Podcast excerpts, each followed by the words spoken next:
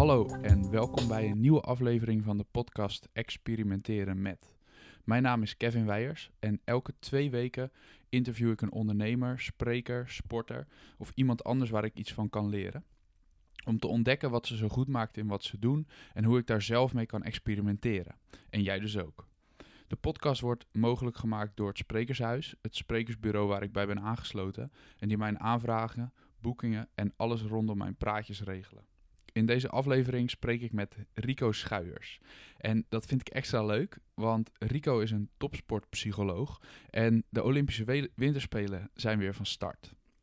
Rico heeft een indrukwekkende lijst aan nationale teams en individuele sporters waar hij mee heeft gewerkt. En al zijn atleten richten zich voornamelijk op de Olympische Spelen. Rico is een echte pionier binnen zijn vakgebied. En al sinds 1990 werkt hij ook naast sporters met luchtverkeersleiders, de luchtmacht, dirigenten en muzici. Ehm, de overeenkomst is dat het allemaal stressberoepen zijn, waarbij moet worden gepresteerd onder druk. Ook gaat hij voorop in de strijd tegen het taboe dat toch nog steeds op sportpsychologie rust. Want als je last hebt van je knie, ga je naar de fysiotherapeut. Maar als je last hebt van zenuwen, spanning of druk, is het niet altijd zo vanzelfsprekend aan te kloppen bij een sportpsycholoog. Terwijl omgaan met druk en presteren onder stress zeker te trainen is. Want ook tijdens deze winterspelen zijn weer sporters actief die met Rico aan hun mentale vaardigheden hebben gewerkt. Daarom hebben we het in deze podcast over wat de rol is van een sportpsycholoog bij een sportploeg of een individuele sporter. Ehm, hoe belangrijk mentale training is. Hoe je zelf leert presteren onder druk. Dus ook op de werkvloer of thuis.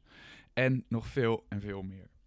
Door mijn gesprek met Rico weet ik zeker dat ik met andere ogen naar de komende Olympische Winterspelen kijk. Ehm, en zeker niet alleen maar let op de fysieke prestaties, maar ook op de mentale prestaties. Want die zijn, zo heeft Rico me overtuigd, minimaal net zo belangrijk om uiteindelijk te strijden om de medailles.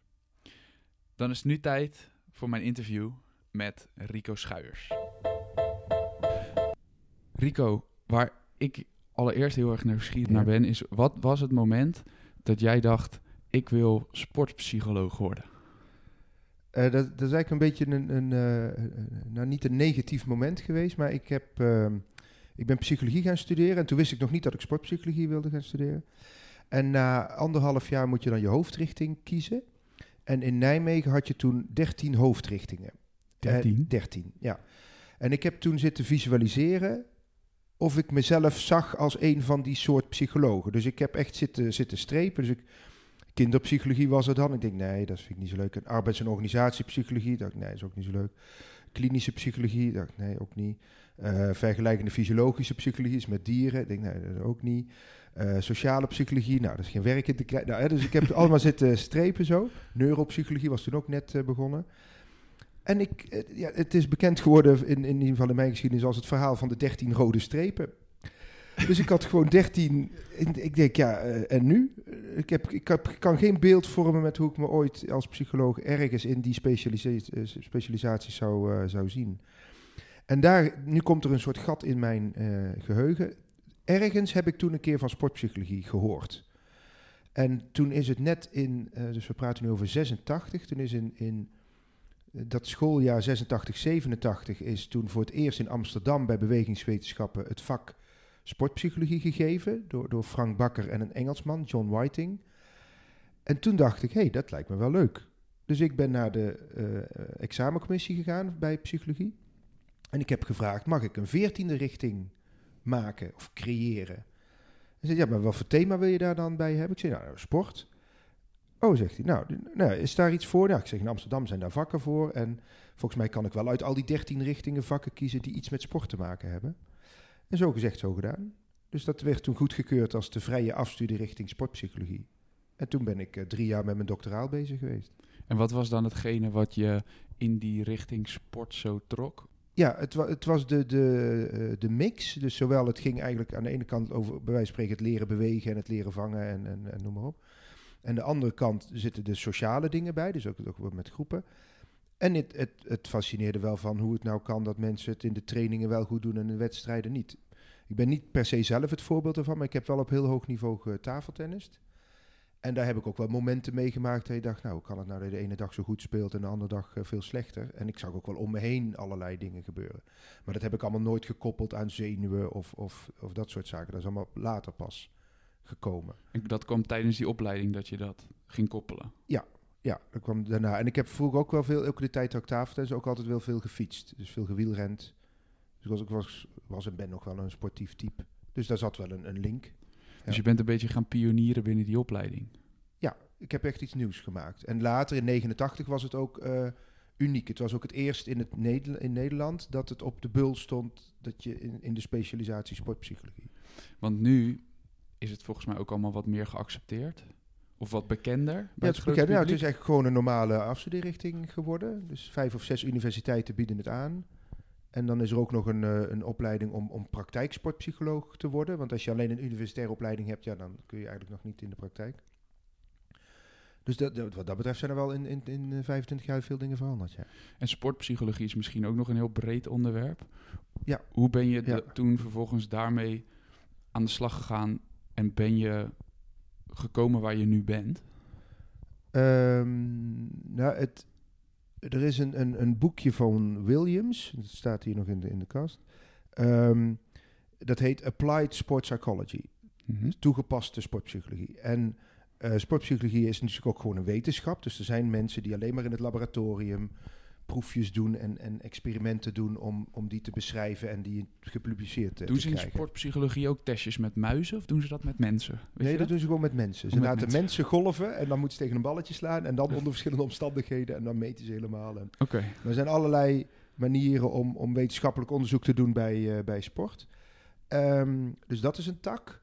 En, eh, en de andere kant is dan de, de toegepaste kant. Eh, dat is dus echt het werken met coaches, het werken met sporters, het werken met, eh, met teams. En daar kun je ook onderzoek in doen. Maar dan heb je ook nog echt de, de interactie die je met de sporters dan eh, hebt. Nou, dat, dat tweede deel vond ik veel leuker. Dus ik heb eigenlijk, ehm, eh, hoe is het toen gegaan? Ik, toen ik afstudeerde in 89, was in mei. Toen dacht ik van, nou, het gaat echt heel lang duren voordat er in de krant staat sportpsycholoog gevraagd.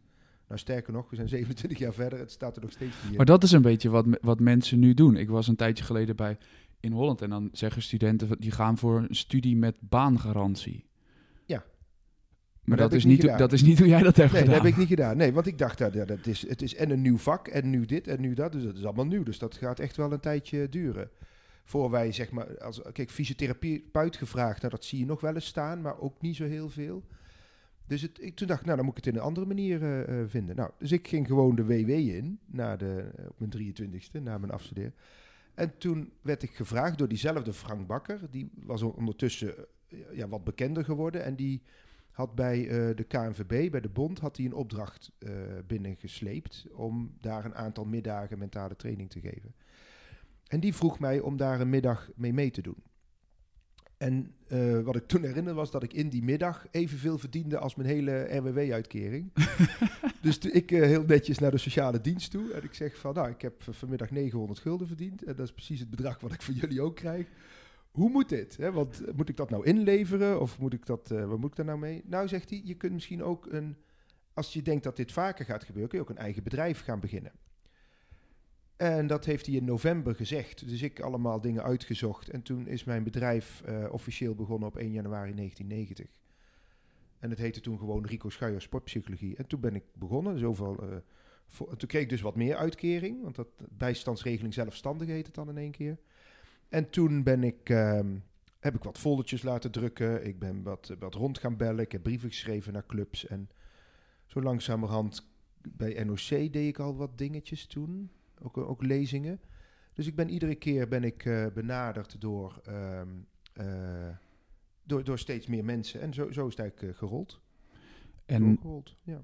nu, als je kijkt, dan, dan heb je met echt wel hele grote bekende sporters gewerkt. Mhm. Ehm, hoe is dat dan gegaan? Dat is gegaan via met name eh, NOC. Ehm, dus ik ben begonnen in 1990. En toen is er. ehm, toen kwam NOC, toen heette het nog individuele begeleiding. Die vroegen van: ehm, kun jij een keer voor eh, sporters die willen een, een workshop eh, geven? Nou, toen kwamen uit verschillende takken van sport kwamen daar mensen bij zitten die geïnteresseerd eh, waren. En toen heb ik dus dingen daar verteld. Toen kwam op een gegeven moment, zei de Bridgebond van... wat je nou doet voor al die sports wil ik eigenlijk voor onze selecties hebben. En wat, sorry, wat, is datgene wat je nu doet voor al die sporters? Wat, wat Ja. deed je op dat moment voor Wat die sporters? nou, een, een lezing geven over, eh, over ja, een aantal thema's. Dus hoe ga je om met druk en hoe ga je om met afleidingen en eh, iets, iets van gedachtentraining. Ik weet niet meer precies wat de opbouw was van die, eh, van die avond. Maar ik heb dingen verteld over, over mentale processen. En, ehm, en, en in die tijd kwam dus de Bridgebond en in die tijd kwam ook de Bowling Federatie. Dus ik werkte eigenlijk al meteen met toppers in die sporten. En toen ehm, kwam Barcelona eraan. Dus had ik wat meer contact nog met NOC en NSF. Met name- Olympische Spelen bedoel je? ja, Barcelona van 92 kwam er toen aan. En toen heb ik uiteindelijk met een man of zeven richting Barcelona gewerkt. In, in badminton en wielrennen en, en schieten en, en, nog een paar sporten. En zo, en zo is het eigenlijk gegaan. En die waren nou ja, eigenlijk allemaal tevreden. Ze ze hebben niet allemaal goud gehaald, maar het ging allemaal, allemaal goed.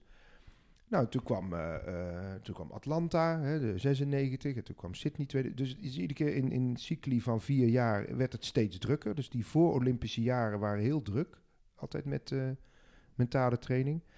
En in de tussentijd had ik, wat heb ik, nog, ik heb nog een baan gehad als docent bij de fysiotherapieopleiding. En ik heb nog wat andere banen gehad in de tijden dat het wat rustiger was. Want met dat de is voor- sporters. Want dat is wel een, dingetje toch? Want, want als iemand door zijn enkel gaat of last van zijn knie heeft, dan is het Ja. heel logisch dat je naar een fysiotherapeut gaat. ja. Maar dat mentale stuk, misschien is toch de drempel om dan naar een, een sportpsycholoog te stappen, is wat, is wat groter of Ja, zo. Hoe ga je daarmee om? Nee, dat weet ik niet. Ja, ik weet niet hoe dat beslisproces gaat. Sommigen hebben inderdaad eh, dat drie jaar lang een... Ik heb ook nog columns geschreven. Dat drie jaar lang een column op de koelkast had gehangen. En dat iemand dacht, ja, het valt wel mee en het valt wel mee. En nou, nog een jaartje aankijken, nog een jaartje. En na drie jaar dacht, nee, ik kom er niet uit zelf. Ik blijf zenuwachtig. Ik, het, ik train me de blubber, maar het komt er niet uit. Dus, eh, oh, oh, die schuiers, ik zal eens eh, bellen. Ik weet niet hoe dat beslisproces eh, gaat. Je hebt ook beslissingsbenemers en beslissingsbeïnvloeders. Soms zeggen ouders van ga maar. Hè, en soms zeggen trainers ga maar. Maar het meeste heeft te maken met, ehm, volgens mij, met hoe het in de, in de media komt. Of hoe andere sporters erover praten. Dus als een, een sporter vraagt, dan heb jij wel eens mentale training gehad? En dan zeg je, ja, dat heb ik wel eens gehad. En dan, hoe was dat dan? Nou, dat ging hartstikke goed. En dat is een, normale vent. En eh, ja, dus, ja, dat soort uitspraken krijg. En dan is het, eh, eh, dan bellen ze op. Dus, dus als ik jo- jonge sportpsychologen opleid, dan, dan, dan druk ik ze dat altijd ook op het hart. Zo van, zorg er nou voor dat ieder uur dat je werkt, je beste uur is. Want je weet nooit. Sterker nog, dat is je reclame. Zeg maar, als, als ik het in één uur verpest met een sporter, ja, die gaat het een keer dan ja, vertellen. Of die zegt, nou, dat was niet zo goed, of was niet zo dit of dat. Het kan natuurlijk altijd zijn dat het niet klikt, maar dan, je moet wel zorgen dat, dat, dat je dat uur goed werkt. En dat, dat, is, je, dat is je naam, dat is je, je, je- ja, je toekomst als, als mensen daar dan aan denken. Zijn er sporters of eh, sporten die dan meer openstaan voor mentale training dan anderen? In het begin zeker. Eh, als ik in het begin bijvoorbeeld, hè, dus, dus nu praten we echt eens over eh, midden jaren negentig. Als ik toen had aangeklopt bij dingen als hockey of volleybal of, of basketbal, of, dan was het, niet, eh, was het niet gebeurd. En waarom niet? Omdat zij nog eigenlijk meer in fases bezig waren, ook van de fysieke training en nog wat andere dingen, dan de, dan de mentale training. Waar ik in het begin echt meteen eh, landde, was in de concentratiesporten. Dus ik ben meteen bij bolen terechtgekomen. Eh, beweging is hetzelfde, dus de variabelen in het hoofd is echt veel makkelijker te zien. Want op zich. hè, dus, dus ik ben gekomen bij repetitieve sporten. Dus waarbij je wint door steeds hetzelfde goed te doen. Heb je dat bewust gedaan of was dat toeval? Nee, nee dat, was, dat kwam vanuit die sporten zelf. Die hadden eerder in de gaten dat, dat, eh, eh, dat die mentale kant belangrijk was. En, en Oh ja. heel belangrijk was het korte lijntjes. Dus ik had er met één technisch directeur te maken. En die besloot van we doen het wel of we doen het niet. Eh, een gesprek met de coaches en het was klaar. En bij de toen al grotere bonden moest het echt door drie, vier, vijf lagen heen. voor je zeg maar bij het bestuur kwam of voor je bij de coaches kwam, dat, dat, dat, dat duurde heel lang. Het is gewoon veel bureaucratischer. Was veel bureaucratisch, was veel groter, maar ook grotere sporten natuurlijk. Dus bowlen was een kleine sport en, en handboogschieten was een kleine sport. Maar daar heb ik wel heel veel van geleerd, want het was echt heel goed. En wat eh, zijn dingen die je daar dan hebt geleerd? nou ja, hoe je, dat, hoe je met bonden en hoe je met sporters en hoe je met coaches, hoe je werkt Ja, in, dat, in die krachten, dat krachtenveld van al die begeleiders. En dan met de dan ervaringen die je dan in die sport hebt opgedaan, ben je daarna bij andere bonden en zo gaan werken? Ja, ja. En eh, kun je daar een voorbeeld Ja. van geven? Nou, op een gegeven moment werd dus nou, bekend dat ik eh, met de Bridgebond had gewerkt en dat was goed gegaan. En met de Bowlingbond gewerkt, dat was goed gegaan. En toen kwam ik steeds meer in de picture bij de wat grotere eh, bonden. En op een gegeven moment ja, werd er een gesprek aangevraagd, ook met, eh, met Mark Lammers en Roland Oltmans destijds, de twee coaches van, van het hockey. Om, om te kijken of we daar een, een begin mee konden maken. En waar En begin zo je dan het met hun? gegaan. Ja, met een gesprek over wat zij denken dat ik kan bieden en hoe ik werk. En ehm, eh, ja, dat, eh, ja, we- hè, contactmomenten, eh, de inhoud van het programma, eh, dat soort zaken. En toen zei Mark na dat gesprek, want we hadden met z'n drietjes, dus dat was wel, wel mooi. Toen zei Mark Lammers na dat gesprek, ja, ik wilde mee gaan beginnen. En Oltmans zei van, nou, ik wacht er nog even mee. Dus toen ben ik begonnen in 2006 met de dames, eh, dames eh, hockey. En in diezelfde tijd is ook eh, het, het waterpolo eh, begonnen. Dus ik weet niet meer precies hoe die initiële contacten zijn gekomen. Ik heb best veel cursussen gegeven toen aan coaches en eh, via NOC ook. En, en op een gegeven moment bij een, een coachdag of, of iets dergelijks is er een, een contact geweest met de technisch directeur van de zwembond. Ehm, en die eh, heeft me denk ik eh, uitgenodigd voor een gesprek van wat ik dan zou kunnen bieden. En zo is dat gegaan. En je werkt dan dus met teams en met individuele sporters. Ja. Maar dan, ik laat even over de individuele sporters Mhm. hebben, nu even over de teams. Ja. Hoe, hoe gaat dat dan? Dan, dan, nodigt zo, dan heb je een gesprek gehad met Mark Lammers en die Ja. zegt, nou, we willen hier wel voor gaan. Ja. En waar start je dan? Dan start ik met een, eh, een, een, een bijeenkomst om uit te leggen wat het wel en niet is. eh zeg maar mentale training. Dus, en wat dus is het wel en wat is het niet? Ja, nou ja, dat het niet is eh, boeddhistisch zen-achtig hum-hum. dat, je geen, dat je niet ziek hoeft te zijn om beter te worden. dat je hard traint om te zorgen dat alles eruit komt. En dat die mentale kant eigenlijk ook een normale eh, manier van trainen is om, om, om ja, beter te worden. En eh, ik weet nog wel dat de eerste keer heb ik ook meteen een, een testje gedaan, wat ik vaak doe. Dus is een, de, de gritoefening heet dat. Om ze al een beetje mee bekend te maken van wat druk kan doen en wat afleidingen kunnen doen. En daarmee de, de ingang gemaakt om, eh, om met het team te kunnen gaan werken. Nou, dus het moest eerst goed landen, zeg maar, dat, dat ze een idee hadden van wat ik deed. En, ehm, en, en daarna is het eigenlijk een, een programma geworden met een aantal groepsbijeenkomsten, waarbij ik iedere keer een thema heb eh, besproken. En op, op een gegeven moment ging ik mee op trainingskampen en dan was er een, zowel individuele gesprekken als ook eh, eh, teambijeenkomsten. En is er dan binnen zo'n team... ehm, want in zo'n eerste sessie laat je, ga je dus niet overtuigen dat, dat dit wat toevoegt, maar je laat het ze ervaren. Ja. Ehm, en is er dan binnen zo'n team diversiteit in hoe ja, sporters daar dan tegenaan kijken? Ja, ja, sommigen die vinden het eh, zo van, hè, eindelijk. En anderen denken, nou, ik moet het nog zien. En want ze hebben niet zelf gekozen om dat te doen. Dat is En- wel een groot verschil met individuen. Die komen eigenlijk, ja, als er, als er iets aan de hand is en die kiezen dan zelf. Dus die motivatie is heel anders. Dus ehm, eh, ja, daar moet je wel rekening mee houden. En hoe ja. ga je daar dan mee om? Nou, dat is een soort gouden regel dat een derde in de groep is helemaal enthousiast. Een derde in de groep vindt, vindt het helemaal niks. En een derde, m- moi, moi. Mhm. Of die een derde die moi, moi is, de ene kant op gaat of de andere kant op gaat, hangt af van waar de informele leider zit. Als de informele leider bij die, eh, bij die, die het goed vinden zit, dan heb je dus ongeveer meer dan de helft eh, mee. Zit de informele leider bij de sceptische groep, dan heb je, eh, heb je het moeilijker. Oké. Ehm, nou, het is niet altijd waar, maar het denkt wel makkelijk. Als je- Ja. dus je moet een beetje die, die informele leider moet je een beetje mee zien te krijgen. Dat is vaak niet de aanvoerder of een ander, maar die, die moet je op een bepaalde manier mee zien. Hoe, hou je die, hoe pik je die eruit? Ja, dat door veel mee te lopen en uiteindelijk ook te kijken. En op een gegeven moment echt een sessie te doen die daarmee te maken had. Dus ik heb heel veel geleerd. De, de dames vonden het verschrikkelijk, maar ik heb het wel gedaan. ik heb namelijk gevraagd van... maak een lijstje van degene die jij het meest waardeert... in de trainingen, in de wedstrijden en buiten het hockey.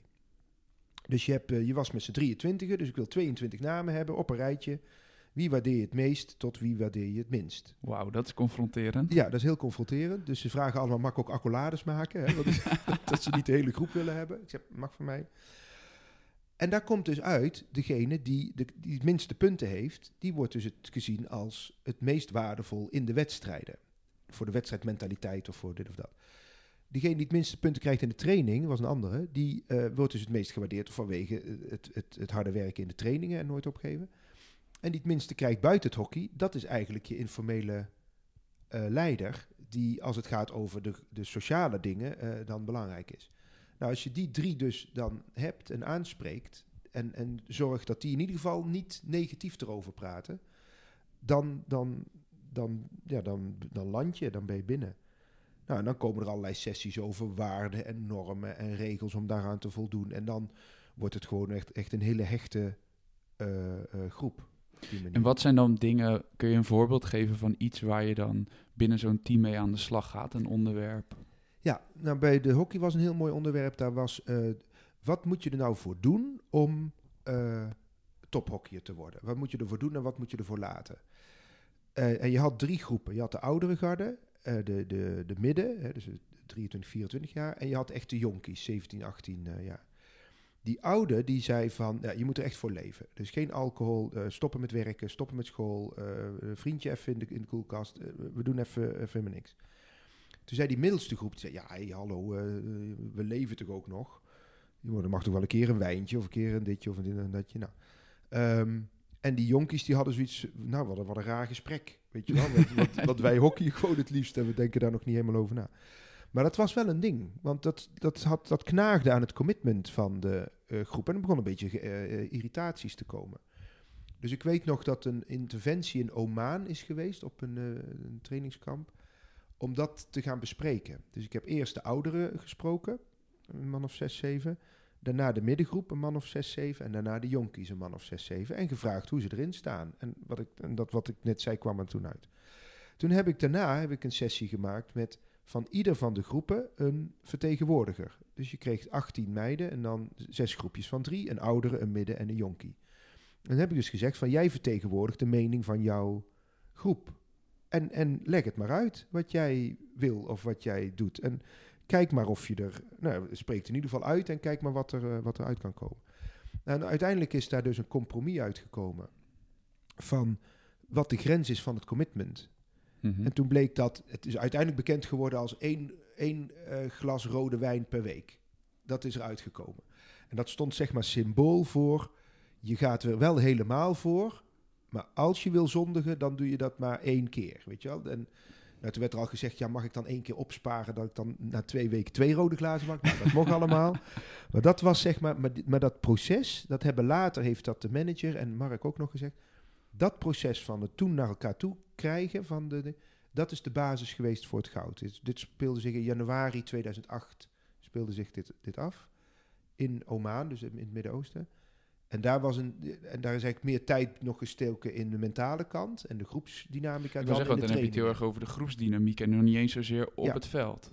En hoe vertaalt zich nee. die groepsdynamiek dan door naar een van de nou, boeken, boeken die je geschreven hebt van presteren als het erop aankomt? Ja, nee, dat heeft dan echt te maken met dat die onderliggende irritaties van ja, maar zij heeft er meer voor gedaan of zij is toch wel luier, of ze, die zijn dan weg. Ze hadden op een gegeven moment allemaal het idee dat ze er allemaal even hard voor werkten. En dat is door, dat, door, dat, door die gesprekken gekomen. Ja, en dan heb je geen. Ja, je, moet eigenlijk zorgen dat er geen reden is om, om, te, uh, om te zeuren. Dat, als je dat soort dingen eruit haalt, dan gaat iedereen gewoon voor het gemeenschappelijke doel. En dat, dat is makkelijker gezegd dan gedaan, maar dat was wel een belangrijke basis. Dus als het er dan op aankomt, dan weet je dat die uh, meiden gewoon uh, samen staan en dan is het goed. En nu een, een kort berichtje maken naar, want je werkt nu ook voor organisaties. Ja, dus je hebt die principes ja. van sportpsychologie. Dat, die zijn ja, ook toepasbaar in het bedrijfsleven en binnen organisaties. Ja, klopt. Um, werk je daar dan met teams net zo als dat je met die sporters werkt? Uh, uh, nee, want de teams zijn vaak niet zo heel duidelijk gedefinieerd in het bedrijfsleven. Dus tot nu toe heb ik eigenlijk het volgende gedaan. Ik geef inspirerende, humorvolle, to-the-point lezingen in, in het bedrijfsleven. Dus dat, dat kunnen ze apart boeken. Hè. Dat is, maar sommigen die zien het als een begin van een trainingstraject. Dus ik werk bijvoorbeeld bij Nationale Nederlanden. Dan begint dat met een lunchlezing van een uur. En dan leg ik uit aan een man of 200 wat mentale kracht is. En dan worden er vanuit die organisatie modules aangeboden. Vier modules. Dat wat te maken heeft met de kern van mijn werk. Dus, dus eh, je motivatie kun je beïnvloeden. Omgaan met stress is een module. Focussen, concentreren is een module. En je zelfvertrouwen is een module. Nou, die worden dan aangeboden. En dan kunnen dan van die 200 mensen kunnen zich daar mensen op inschrijven. Het is gewoon open. en Dat is dan Nationale Nederlanden breed. En dan heb je dus van allerlei functies zitten daarbij. Maar die hebben wel allemaal gemeen dat ze geïnteresseerd zijn in dat, in dat onderwerp. Dat is één manier. Een andere kwam daaruit, was dat een manager van een afdeling, die had die lezing gehoord en die zei, ik wil het voor al mijn mensen hebben. Ik, werk ik geef leiding aan 160 mensen, dus dat worden 10 groepen van 16 man. Regel het maar, wij willen al die vier modules hebben voor die 10 groepen. Hm. En dat, dat gebeurt er dus nu. En uh, individuele coaching zou ook nog kunnen, maar dat gebeurt niet zo heel vaak, want daar hebben ze andere afdelingen voor. Hè? Dus de, de arbodienst of de bedrijfsarts of Hè, dat, bij grote bedrijven is dat anders georganiseerd bij de HR-afdeling. Ja. Um, maar het is dus met name nu een onderdeel uh, bij veel bedrijven van het HR-beleid. Dat ze willen dat ja, ze, ze nou ja, of preventief mentale vaardigheden krijgen. Of erachter komen dat ze inderdaad wel een, een ander traject in moeten, omdat het erger is dan ze dachten. Want een van de dingen die je ook doet is aandachtstraining. Ja. Um, en ik zat van de week een keer een artikel te lezen. En daar stond in dat de gemiddelde concentratiespannen van iemand is, is iets meer dan acht seconden. Ja. En dan, dan maken ze een brugje naar een goudvis, die, dat is negen seconden. Die kan het langer, ja. Dus we zitten, we zitten onder de, de goudvis. Ja. ja. Um, is dat een ding wat jij nu merkt ook? Dat mensen zich minder goed kunnen concentreren? Ja, ja dat is. Um, nou, ik maak eigenlijk gebruik van, van cirkels daarbij. En um, de, de, de aandachtscirkels worden die genoemd. En in, in cirkel 1 ben je bezig met de taak die voor je ligt. Maar die wordt heel erg onder druk gezet door dingen uit cirkel 2. Dus dat zijn dingen directe afleidingen. Bijna alle bedrijven hebben inmiddels namelijk een open werk, workspace, zeg maar, open werkplek. Ja, wat, wat vind je daarvan? Nou, dat vindt uh, meer dan de helft vindt dat niet leuk. Die, hun efficiëntie gaat echt naar beneden toe, omdat ze gewoon geen kwartier aaneengesloten, afgesloten aan iets kunnen werken. Dus waar je normaal een kwartier over zou doen, netto, dat gaat nu een uur duren. Dus je bent ja, drie kwartier extra kwijt omdat je even een gesprekje over de koffie moet hebben, of even dit moet regelen of even dat moet regelen. Dus, dus dat, is niet, dat vinden veel mensen niet zo fijn. En met name de introverte mensen vinden dat niet fijn, die open workspaces. Um, dus dat is een grote, maar ja, mensen worden ook steeds veel, veel eisender aan zichzelf, lijkt het wel. Dus er zijn ook heel veel mensen die vergelijken wat ze op dat moment doen met hoe het eigenlijk zou moeten zijn. Mm -hmm. Dat heet dan de is behoort te zijn vergelijking. Dus je doet iets en dan denk je, nou, is niet goed. En dan nog een, dat is weer niet goed, weer niet goed, weer niet goed. En dan, ja, dan denk je van, ja, dan moet ik dat toch wel... Uh, uh, dat leidt dus ook af. Hè, dat is ook, uh, en er zijn heel veel mensen bezig met het denken aan het verleden en de toekomst. Mm -hmm. Dus wat zullen de mensen ervan me vinden als dit rapport niet goed genoeg is? Ja. Nou, dan wordt dat rapport ook al minder goed. Want dan ga je het nog een keer checken, het duurt langer en dan ben je heel bang voor wat er gaat gebeuren. Nou, en die, die cirkels, dat is, dat is heel erg duidelijk voor mensen. Mhm. Ik vraag dan ook altijd, wat is het percentage op een dag dat jij in één zit? Dus dat je alleen maar bezig bent met de taak die voor je ligt. Je bent hier uh, acht, acht en half, negen uur je op, op kantoor, of bij het bedrijf. Ja, dan zie je mensen toch wel eens uh, slikken. Ja. Zo van, ja, nee, ik haal de 10% niet eens eens, joh, als je het zo bekijkt. Ja? Nou, en dan is de vraag van, hoe zou je leven eruit zien als je wat vaker in één zou zitten? Nou, nou, sommigen zeggen dan saai, dat, dat snap ik dan niet. Maar die, die volgens, zegt, volgens mij ben je gewoon veel efficiënter bezig met datgene wat je op dat moment moet doen. Kijk, als je aan het bellen bent, bij het bellen. En als je aan het mailen bent, bij het mailen. En niet dat je aan het mailen bent en je denkt, ik moet die ook nog bellen. Want dat gaat, dan gaat het door elkaar heen. Ja. Dus je moet echt, echt gebundeld daarover maar, nadenken. Maar dat is nu, ik ben nu bezig met het schrijven van een boek. En ik merk bij mezelf dat als ik dan geconcentreerd bezig ben. Dus dan zit ik in mijn kamer. Daar heb ik Mhm. al gezorgd dat afleiding minimaal is. Ja. Dus dan heb ik mijn telefoon niet bij me. Het internet is uit, zodat ik niet naar ja. websites en zo. Maar dan alsnog gaat dat af en toe zo door je hoofd. Van, goh, wat zou er op dit moment op Instagram gebeuren? Ja, nou, dan, dan komt dus gedachtentraining om de hoek kijken. Ja. Dus je mag, en, die, en die afleiding, je mag gewoon wel eh, alles denken, als je het maar weer vergeet. Oké. Ja, dus je, dat je het weer laat gaan. En we kunnen dingen vergeten. Hè? Dus als jij zegt op een dag ik moet die bellen, dan kan het zijn dat je op het eind op de dag denkt, oeps, vergeten. Dus het is mogelijk om dingen te vergeten. Mhm. Alleen vergeet dan ook dus die gedachten die je hebt van, goh, wat zou het nu aan de hand zijn op Instagram? Nou, dat, dat denk je dan en dan, dan laat je hem weer gaan als een, als een golf, zo'n zo, zo'n Mhm. zeegolf, weet je wel. Die, die komt en dan, dan gaat hij weer weg. Dan laat je dat gaan. En dan, dan heb- besteed je dus ook geen aandacht aan. En als je dat een paar keer doet, dan zul je merken dat je dan wel een keer in, een, niet meer weet hoe laat het is. En dan heb je zo zitten schrijven. En dan ben je gewoon in één keer een uur verder. Ja. En dat is dan, dan een zit beetje- je er helemaal in. Dan zit je in de flow, wordt dat Flow. ook genoemd. Ja. Ja, precies. Want is, en is dat ook, is dat flow, is dat iets waar je met sporters Mhm. ook mee bezig bent, heel bewust, om die sporters in de flow te krijgen? Ja, maar dat, het, het, het moeilijke van flow is dat het, het een passief proces is.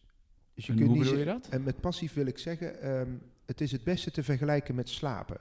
Mhm. Slapen is ook een passief proces. Je kunt niet actief gaan slapen. Je kunt moeilijk met de lamp aan naast het bed gaan staan en dan kom op, slapen, slapen, dat moet wel lukken vandaag. Ja. Nee, je maakt inderdaad wat je net zei, ook zei, de- je creëert de voorwaarden om te gaan slapen. Dus je, eh, nou, een beetje eh, een ritueeltje, dus een grote lamp aan, kleine lamp aan, eh, de bathroom ritual eh, doe je dan, nou dan kom je, dan doe je, eh, dan loop je, dan doe je de grote lamp uit, dan ga je liggen, dan zet je de wekker, doe je de kleine lamp uit, dan doe je je ogen dicht en vervolgens doe je niks. Mhm. Ja, stel dat je wel iets zou doen, gaan denken van ik moet, ik moet er morgen vroeg uit of zo, of ik moet, dan, dan lig je dus de halve nacht te woelen. Dus slapen overkomt je. Nou is hetzelfde met flow. Dus flow overkomt je. Het enige wat je kan doen is de voorwaarden creëren om dat te doen. En heel vaak bij flow is het je verwachtingen managen. Als je je verwachtingen managt, dan wordt de kans groter dat je in die flow komt. En dat wordt dan weer gedefinieerd als dat je alleen maar bezig bent met de taak. Oké. En hoe start je dan met het managen van verwachtingen? Want ik weet van mezelf, ehm, ik gebruik bijvoorbeeld een app, dat is Headspace, Ja. voor meditatie. Ja. eh, 10 minuutjes en ik weet dat dat hartstikke goed werkt. Mhm. Maar op het moment dat ik drukker word, betrap ik mezelf er ook wel eens op dat ik dan denk... Oh, nou, ik heb 10 minuten gemediteerd, enorm mijn best gedaan, Ja? maar het is niet gelukt. En dan ben ik daar eigenlijk een soort van boos over. Ja. Terwijl ik weet dat het andersom werkt. Ja, en dan ben je dus aan het beoordelen of veroordelen van wat je aan het doen Ja. bent. Ja. Nou, En- dat moet je dat ook leren om dat ja. niet te doen. ja. En, Ja. eh, en als je dat, als je, ook al weet je dat, ja. ehm, hoe, hoe kun je daar dan toch mee aan de slag gaan om daar iets in te Eh, veranderen? Dan kom je op het gebied van het accepteren. Het is heel belangrijk om wat vaker tegen jezelf te zeggen, het zij zo. Het zij zo. Het zij zo. Ja, dus dus eh, dat jij daar een beetje boos over wordt. Hè, jammer dat dat, dat dat effect dan even wat minder is. Het, het zij zo. Klaar. Adem weer keer diep en je gaat gewoon eh, door. Dit klinkt hartstikke simpel. Ja, Maar zo, zo is het eigenlijk ook. Want ja, je brengt jezelf in de problemen door de verwachtingen hoger te maken. Dus je kunt jezelf ook weer uit de problemen krijgen door de verwachtingen wat lager te maken. en ben je dan ook actief met mensen bezig om die verwachtingen op te schrijven of mensen bewust te maken Ja. van de verwachtingen die ze hebben Ja. bij bepaalde Ja. dingen of zo? En dat zit bij de denktraining in. Dus heel veel mensen beginnen hun zinnetjes met ik moet. Ik moet dat boek af hebben, of ik moet een goede lezing, of ik moet dit, of ik mag geen fouten maken. Dat zijn allemaal doelen en verwachtingen. Mhm. En als je dan leert om je gedachten te veranderen, of te accepteren, hè, daar iets anders mee te doen, dan, dan scheelt dat al echt heel veel afleiding en stress en spanning. En En kun je daar dan een En voorbeeld van geven? Ehm, ja, als je. Nou, bijvoorbeeld, er zijn best veel mensen perfectionistisch. Ik weet niet waar dat vandaan komt, maar het is steeds meer. Ehm, perfectie heeft altijd te maken met onzekerheid. Hè, dus dat je onzekerheid wil voorkomen door eh, perfect, eh, dingen perfect te doen. Dus dan hou ik de zin tegen het licht van ik mag geen fouten maken. En dan gaan we het daarover hebben. Nou ja, wat is een fout en, mag dat wel? En wat zegt dat? En, en, en, en helpt het om te denken van ik mag geen fouten maken? Ga je daardoor minder fouten maken? Nou, en uit dat gesprek komt meestal dat ze dan zeggen, nou nee, goed, ik, ik, maak, ik doe gewoon wat ik doe. Dat gaat soms goed en soms gaat dat niet goed. Maar ik blijf evenveel aandacht besteden aan de dingen die goed gaan als de dingen die niet goed gaan. En niet alleen maar dat ik de fouten eruit eh, pluk. Nou, dat, dat is een, een heel concreet voorbeeld. Dan gaan mensen daarmee aan de gang. En dan ben je veel meer dan- bezig met hetgene waar je wel invloed hebt, op hebt. Ja, dat sowieso, daar zit dat nog onder. Ja. Dat is een beetje een, een flauw eh, eh, gedichtje, zullen we zeggen. Dat is, het heeft geen zin om je zorgen te maken over dingen waar je controle over hebt, want daar heb je controle over. Dus kun je het beïnvloeden, dus hoef je daar geen zorgen over te maken. Je hoeft je ook geen zorgen te maken over dingen waar je geen controle over hebt, want die gebeuren toch. Dus hoef je daar ook geen zorgen over te maken. Dus je hoeft je eigenlijk nooit zorgen te maken. nooit zorgen te Nee, want dan- met name het weer, daar hoef je echt geen zorgen over te maken, want daar heb je geen invloed op. Ten- tenzij je je verplaatst, en dan ga je zelf. En dingen waar je wel controle over hebt, die probeer je dan te veranderen als je daar last van hebt.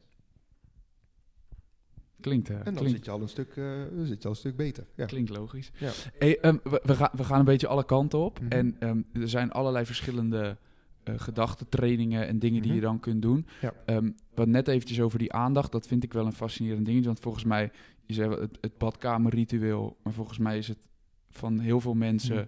nadat ze hun tanden gepoetst hebben, is nog even op Facebook kijken wat er allemaal is gebeurd. Oh ja, en dan ja. proberen te slapen. En als Ja. je wakker wordt, meteen even kijken op je telefoon van zijn er nog nieuwe berichtjes. Mhm. Ehm, maar goed, er zijn nog allerlei andere dingen. Stress noemde je net al. Als je nou een TED-talk of een presentatie zou mogen geven Mhm. van 18 minuten... En het gaat over één onderwerp... Mhm. en het is dus voor een zo breed mogelijk publiek... welk onderwerp zou je dan op dit moment kiezen en waarom? Eh, dan zou ik.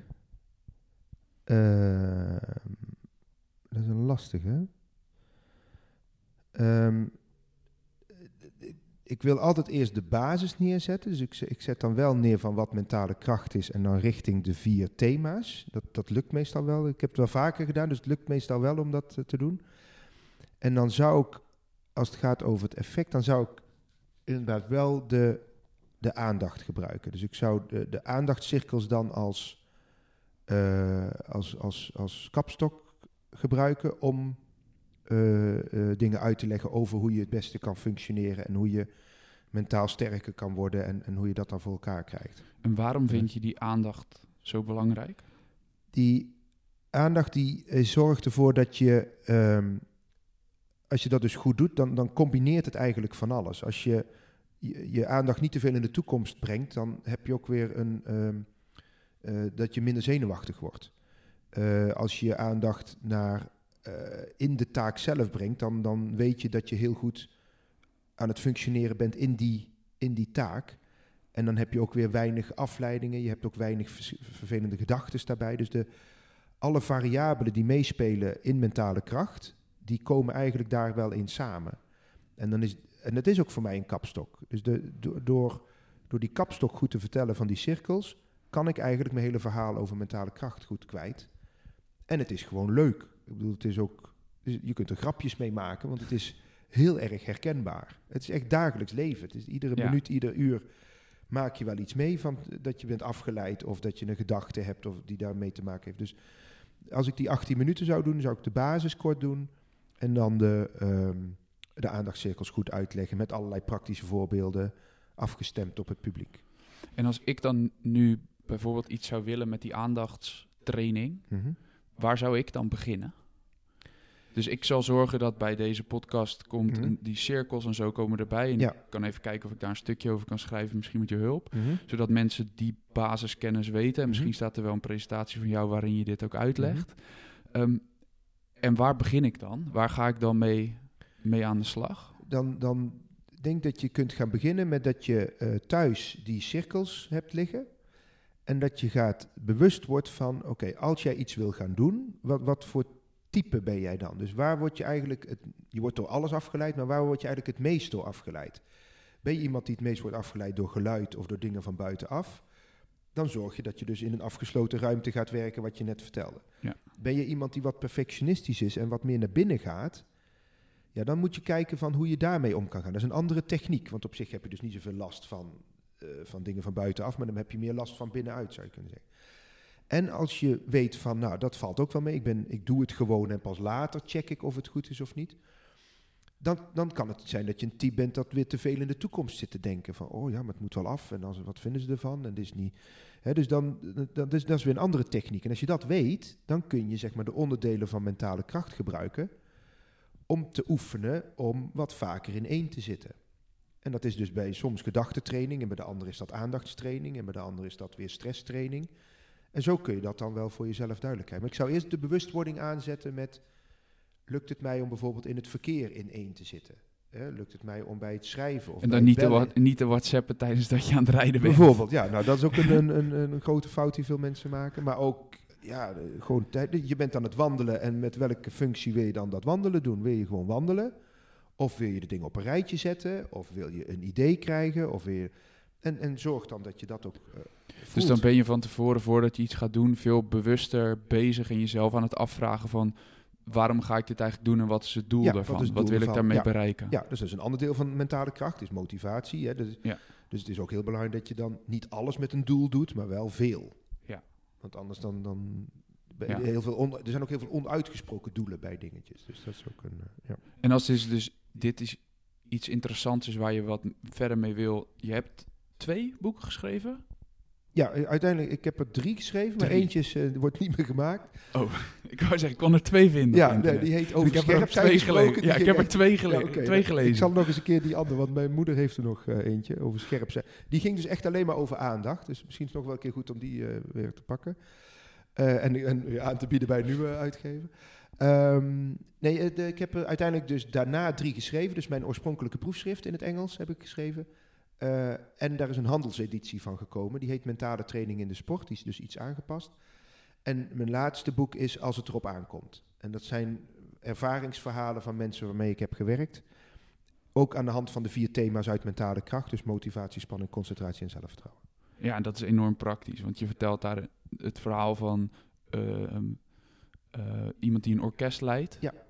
Dirigent, Een dirigent. dat woord zocht ja, dirigent. ja, Tot eh, topsporters. ja, maar ook een pianiste eh, Ja. die nou een hele mooie tour aan het eh, maken is. Maar ook coaches en sporters en mensen uit het bedrijfsleven. En mensen uit het leger, uit de politie.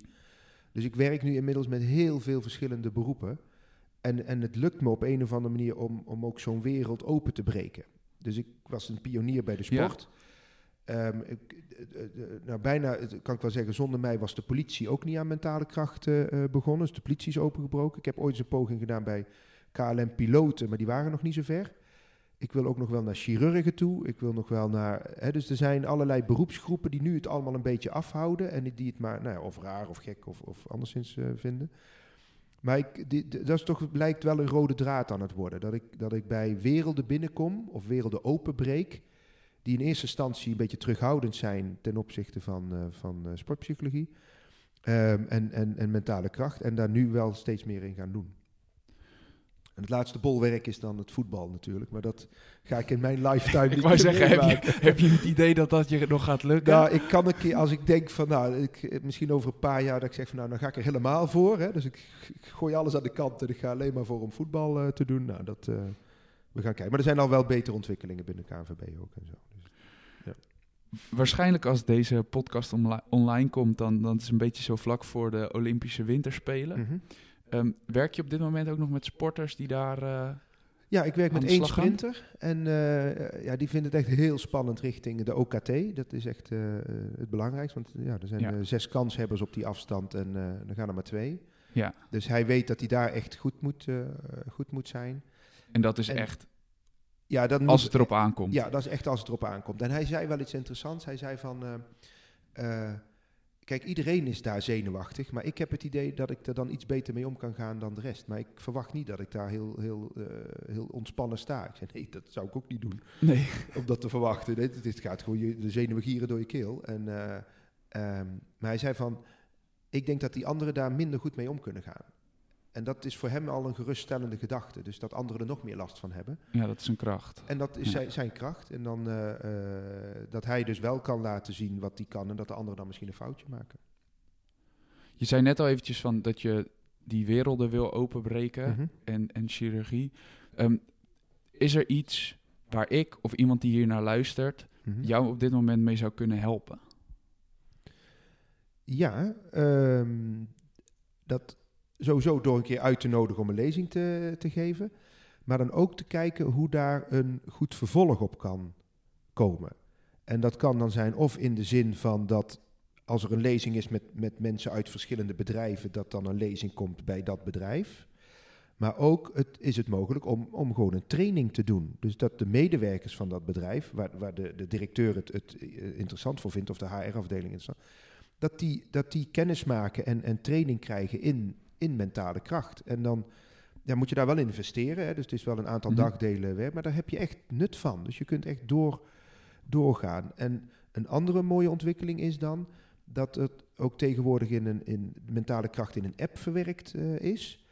Die, wa- waar je, nou, die hebt, dan heb je zeg maar de mentale kracht in je broekzak eh, zitten. Ja. En er zitten ook nog andere dingen bij. Er zit nog bewegen bij en, en voeding zit erbij, energiemanagement en slaapadvies zit erbij. En mentale kracht. Dus dan, dan is het helemaal dichtbij. Dus dat zijn de ook- stappen zijn om dat te doen. Dus de, Ja. de Train for Life app, Ja. die, dat is ook wel een groter idee geweest vanuit mijn eh, filosofie. Om, kijk, mijn filosofie is om mentale kracht bij zoveel mogelijk mensen te krijgen. Nou, dan zou je het eigenlijk op scholen veel moeten doen. Nou, daar gebeurt al, al wel wat, kan ook nog wel wat meer. Maar de politie is dus een grote, want 60.000 politiemensen kennen allemaal 10 mensen. En die, dus ik heb, nou, ik kan ongeveer 600.000 man eh, eh, te pakken. En zo kun je dus steeds verder gaan om te kijken van of het gedachtegoed bij steeds meer mensen terechtkomt. En daar is de, de, de app natuurlijk ook een mooie Ja. eh, eh, functie heeft die daarin. Ik zal zorgen dat Ja. ook de link daar naartoe ehm, bij, de, bij de blog komt. Oké. Ehm, laatste vraag. Eh, Wat doe jij zelf om steeds weer die nieuwe informatie tot je te nemen of Mhm. te kijken van waar gaat het naartoe binnen, jou, binnen jouw vakgebied? Ehm, nou, het is nu wat minder, maar ik, ik ben eigenlijk vanaf het begin, dat is, dat, is, wel belangrijk om te vertellen, vanaf 89 ben ik iedere twee jaar naar een congres gegaan. Om te weten wat er allemaal eh, speelde. En daar is de basis is ook wel gewoon goed eh, gelegd. Ik ben ook veel bij de ASP geweest, Amerikaanse sportpsychologen, ge- om gekeken hoe met name op applied eh, gebied daar allemaal oefeningen waren. En op een gegeven moment dacht ik van nou, ik, nu, nu, nu, nu past het wel. Nu heb ik een methode bedacht met allerlei oefeningen die, die, waar ik me senang bij voel en dat gaat eh, prima. Ik ben nog steeds geabonneerd op, eh, op allerlei eh, eh, wetenschappelijke artikelen. En eh, ik moet eerlijk zeggen, het lijkt een beetje stil te staan zeg maar, met de nieuwe kennis die, er, die eruit komt. Het gaat wel meer steeds richting het gebruik van eh, nou ja, socia- social media en ook de, VR-dingen, virtual reality dingen. Dat is wel steeds een, een grotere ontwikkeling, eh, denk ik. Ehm, maar eh, ja, dat, dat is de manier om, om bij te houden. Dus met collega's overleggen, kijken wat de nieuwe ontwikkelingen eh, zijn. En dan echt heel goed afwegen of het past in het programma of niet. Want ik, eh, nou ja, ik, ik ben dan redelijk succesvol geworden door dat ik op een bepaalde manier werk. En dat eh, moet ik ook, ook niet te veel veranderen. Maar ik zorg wel om te kijken waar het eh, nuttig en handig is om dat dan te gaan gebruiken. Ja, volgens mij dat boek over aandacht nog eens een keertje opnieuw dat is een eh, hele goede. Ja, want naar er staan wel leuke dingen. Ja, nee, er staan wel leuke dingen. in. Dus Ja, dat is, volgens eh, mij is dat enorm relevant. En mensen ja, die meer ja. ehm, van mentale kracht zouden willen weten of over jou Mhm. te weten zouden willen komen of je eventueel zouden willen boeken voor een lezing of wat dan ook, waar kunnen Ja. mensen dan meer vinden over jou? Ehm, je kunt meer vinden over mij op eh, www.pro-task.nl. Dus mijn bedrijf heet eh, ProTask.